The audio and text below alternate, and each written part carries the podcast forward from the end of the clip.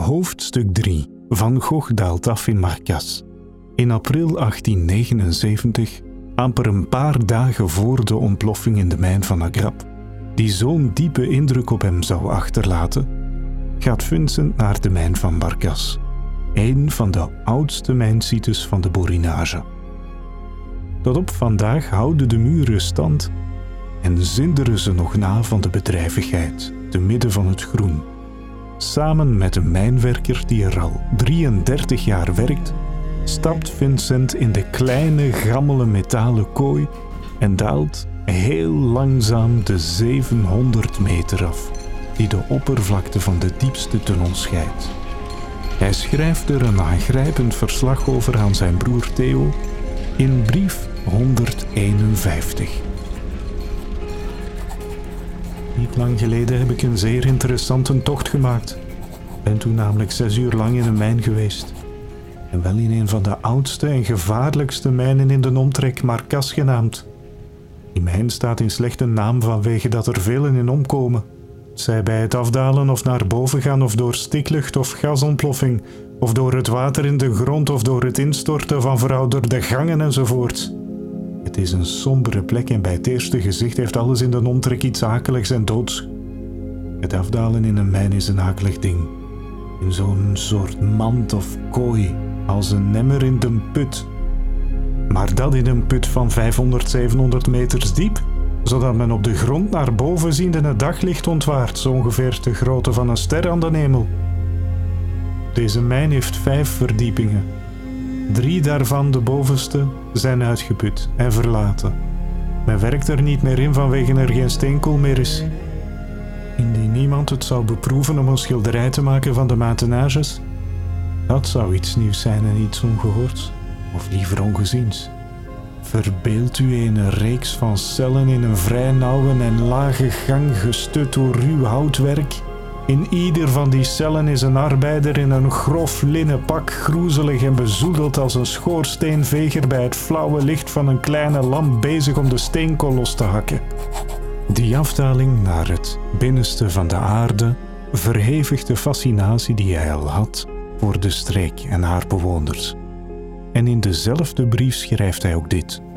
De dorpen hier hebben iets verlatens en stils en uitgestorvens, omdat het leven onder de grond is in plaats van boven. Men zou hier jarenlang kunnen zijn, maar als men niet beneden in de mijnen geweest waren, zou men nog geen juist gedacht hebben van de gang der zaken.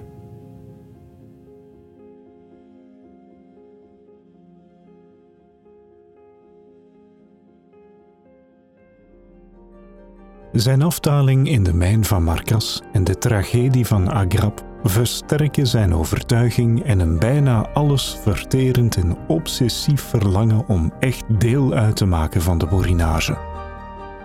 Vincent vindt de kleine kamer die hij huurt van het gezin Denis te comfortabel en verkiest een vervallen schuurtje om er zo eenvoudig mogelijk in te wonen.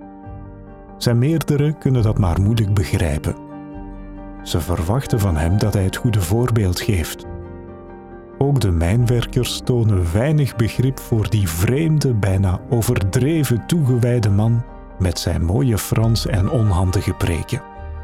Zijn vader snapt er evenmin iets van en weet niet meer wat hij met zijn zoon moet beginnen, die steeds meer gemarginaliseerd is. Trouwens, wanneer hij dat nieuws verneemt, vertrekt Vincents vader naar de Borinage ongetwijfeld even bezorgd als woedend en vastbesloten om zijn zoon ervan te overtuigen naar het huis van de Denis in Waam terug te keren. Maar de tussenkomst van zijn vader volstaat niet om Vincents positie veilig te stellen. Het Vlaamse Evangelisatiecomité is bezorgd en besluit zijn benoeming niet te hernieuwen. Vincent wordt dus een prediker zonder missie dat betekent nog een mislukking voor die man die zo volstrekt toegewijd en nog geen 30 jaar oud is, maar zijn draai niet vindt in de wereld. Vincent pakt nog maar eens zijn koffer. Deze keer trekt hij in bij predikant en mijnwerker Edouard Franck, die in Quen dienst doet. Er breekt een moeilijke periode voor hem aan, wat blijkt uit het gebrek aan correspondentie met zijn broer Theo gedurende bijna een jaar. Maar één ding is zeker. Vincent haalt het aquareldoosje tevoorschijn dat ter steeg zijn vroegere baas bij Goupy en compagnie hem die zomer heeft opgestuurd. En hij begint te tekenen. Hij tekent alles. En vooral het dagelijkse leven in de borinage.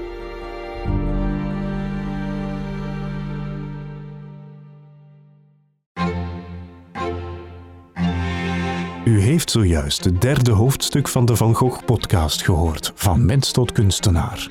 De overige hoofdstukken van deze aflevering zijn te vinden op visitmons.nl.